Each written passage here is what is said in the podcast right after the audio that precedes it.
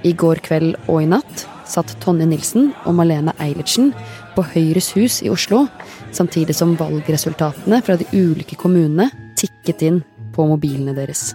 Vi driver og sjekker rundt om i alle byene, og vi er, vi er ganske fornøyde. Det, det går jo riktig vei. De fleste plasser så går det jo riktig vei. Og de har nok noe å juble for. For Høyre ble landets største parti for første gang på 99 år.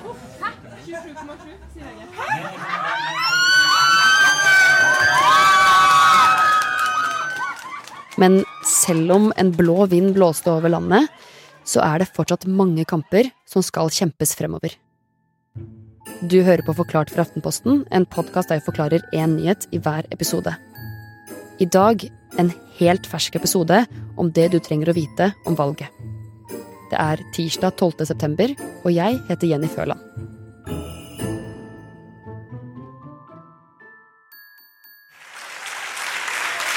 For første gang siden 1924 så heter altså landets største parti Høyre.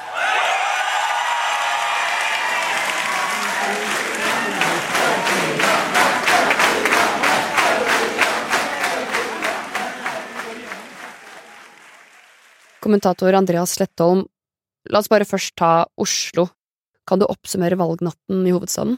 Ja, dette har vært et voldsomt uh, Høyre-valg. Høyre ligger an til å få over 32% altså hver tredje stemme omtrent i Oslo, og vinner makten i byen etter å ha sittet i opposisjon i åtte år. Eh, så gjør også Venstre et eh, godt valg, og eh, Frp går også litt frem, sånn at kan si hele den borgerlige siden, eller høyresiden, gjør et godt valg, mens de rød-grønne går tilbake, bortsett fra SV, som går litt fram. Det har jo vært mye kaos på høyresiden her i Oslo. Hvordan har de siste fire årene vært for eh, Høyre? Ja, det har vært eh, fire veldig rare år. De hadde et slags eh, mytteri mot sin egen leder og et sekretariat som ikke fungerte, og noen sluttet nærmest i protest, så det har vært mye kaos. Hva med Frp, da? Ja, Frp er jo et parti i Oslo som ikke har fungert, egentlig. Og så har de gjennomført et slags generasjonsskifte, uh, hvor de fikk inn nye kandidater som var på en måte mer interessert i å ikke bare sette seg på bakbeina og si nei til alt, som har vært liksom måten man har omtalt Frp i Oslo på. Men så dukket jo denne nachspiel-skandalen opp i forbindelse med landsmøtet, hvor førstekandidat eh, Lars Petter Solås var eh, voldelig mot noen eh, journalister på et nachspiel og ble ekskludert fra partiet. Og han kom jo nå inn i bystyret som på en måte førstekandidaten fra Fremskrittspartiet, som er et parti han ikke er medlem i. Så dette er jo litt sånn rotete, men det har jo heller ikke skremt velgerne. Hovedstaden har tradisjonelt sett vært en blå by. Men de siste fire årene så har et rød-grønt flertall hatt styringen. Og da resultatene kom i natt, så ble Høyre den store vinneren, mens MDG gikk kraftig tilbake. Dermed må Høyre bestemme seg for hvem de vil styre byen sammen med de neste fire årene. De har jo ikke flertall alene, og det er veldig sannsynlig at de kommer til å gå i byråd sammen med Venstre. De to har vært litt sånn storebror og lillebror i, eh, i Oslo-politikken og for så vidt også eh, nasjonalt eh, lenge. Eh, og i hvert fall i Oslo så har de også pleid å ha med seg KrF, som har pleid å få én representant i Oslo bystyre, og det ser det ut til at de får denne gangen også. Eh, så det er, det er, sannsynlig, vil jeg si, eh, når alt kommer til alt, at eh, det er, et, eh, det er byens nye byråd. Men dette er veldig tidlig, og det skal masse sonderinger til. Eh, og problemet er jo at disse tre partiene heller har jo ikke flertall, sånn at eh, det må de finne et annet sted. Kommer det til å komme noen overraskelser, da? Et eh, sånn pikant spørsmål er jo eh, hva MDG vil gjøre, og om det kommer til å være noen sånn tilnærmelser for å få til eh, få MDG over på, på høyresiden. Det er noe som Venstre vil og som jeg tror også KrF er ganske positive til, men som sitter mye lenger, innefra, eh, mye lenger innenfor Høyre. Høyre ønsker nok primært eh, et samarbeid med Fremskrittspartiet, kanskje ikke som en del av byråd, men hvis ikke det er mulig. Men problemet da er at eh, Venstre og for så vidt også KrF har en slags sånn Frp allergi og egentlig ikke ønsker så mye med, med Frp å gjøre. Uansett hvem som styrer Oslo, så har de mange store utfordringer foran seg. Det blir vanskeligere og vanskeligere for en person med en vanlig lønn å komme inn på boligmarkedet, og leieprisene har skutt til himmels. Det blir flere eldre, men det er ikke nok folk som jobber i eldreomsorgen, ungdomskriminaliteten øker, og byen er delt. Andreas, hvordan kommer folk flest til å merke at det nå kommer et maktskifte i Oslo? Det gjenstår jo litt å se. De, jo, de, må jo forhandle politikken sin nå i fellesskap og finne ut hva de er mest uh, opptatt av.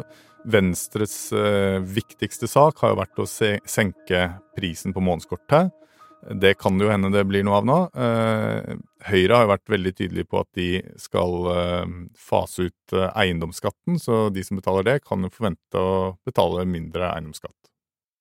Raymond Johansen, som har vært byrådsleder la seg jo selv på en måte i potten og sa at han nok slutter som heltidspolitiker i Oslo hvis de skulle tape valget. Og nå blir det jo nye frontfigurer i byrådet. Hvem er, hvem er de? Ja, vi får en ny byrådsleder som heter Eirik La Solberg.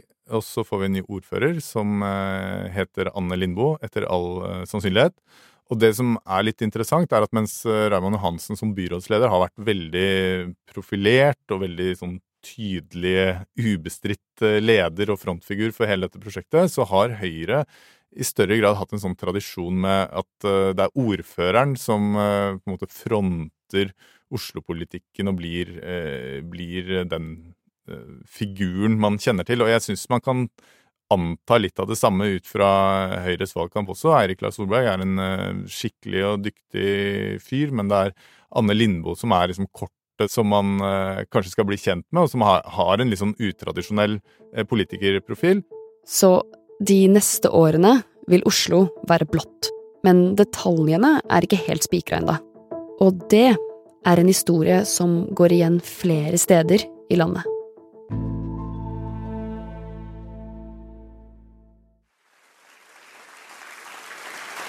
Så vil jeg i kveld gratulere Høyre med et godt valg. Jeg vil takke Erna Solberg og de andre partilederne for tøffe fighter og reale debatter. Ok, Om vi løfter blikket ut av Oslo, så er det fire ting som kan være verdt å ha med seg inn i dagen etter valget. Nummer én. Dette er Arbeiderpartiets dårligste valg på 99 år. Men Jonas Gahr Støre presenterer dette likevel som en slags seier. Vi lå veldig lavt i vinter, betydelig under det som kommer til å bli resultatet i dag. Så utgangspunktet for den valgkampen var krevende. Den kom til å teste oss som lag. Og Derfor så er det imponerende å se hvor samlet dette laget har stått, som parti i helhet, men også rundt om i alle kommuner. Kjetil Alstheim, politisk redaktør i Aftenposten. Med et så dårlig resultat, hva betyr det for Arbeiderpartiet fremover?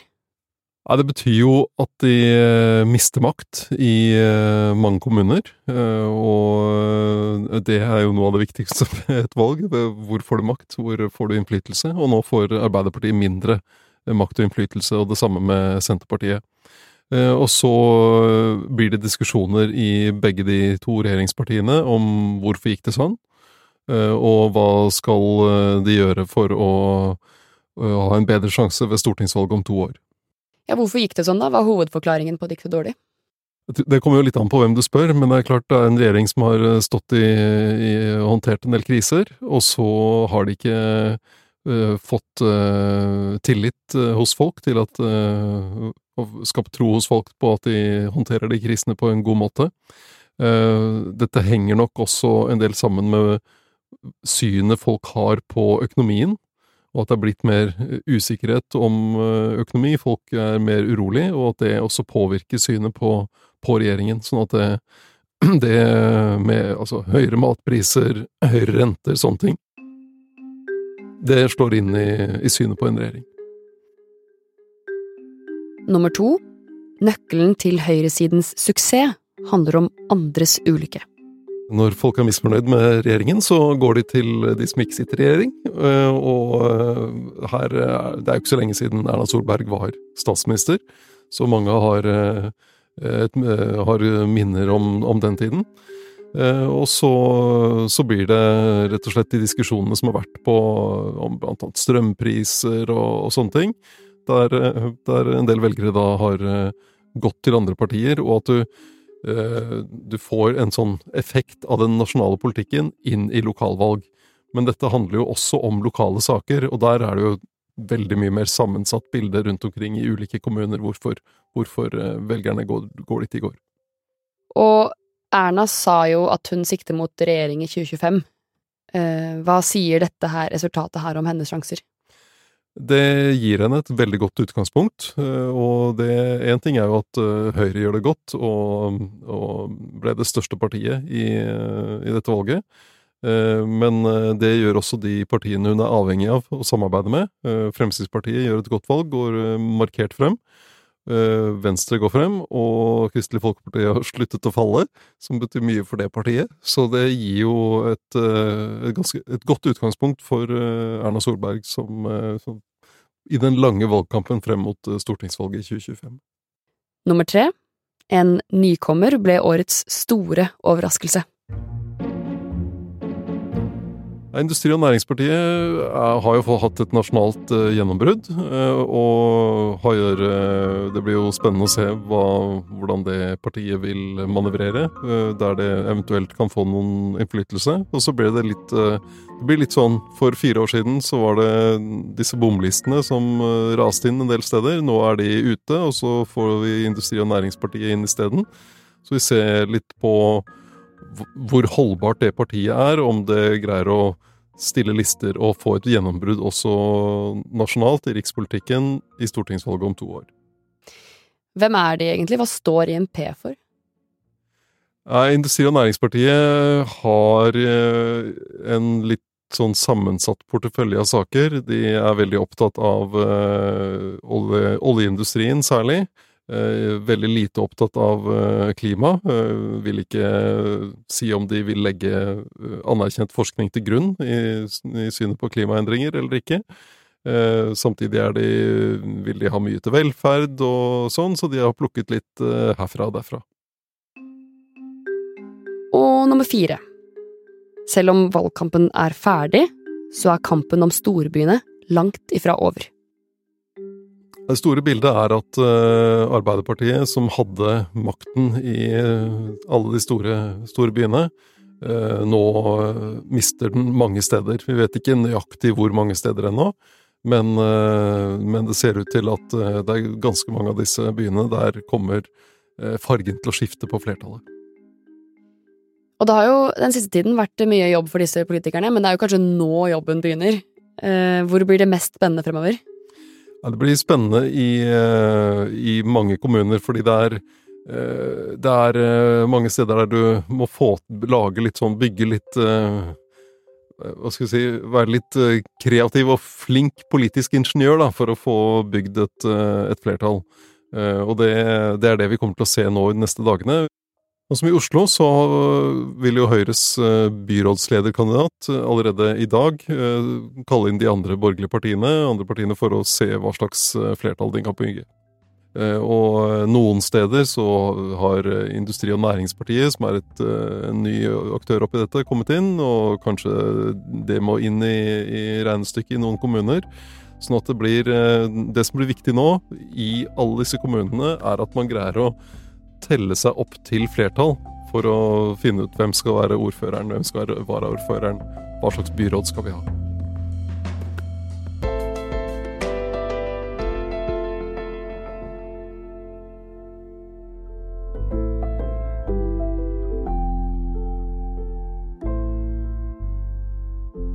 Du har hørt en podkast fra Aftenposten.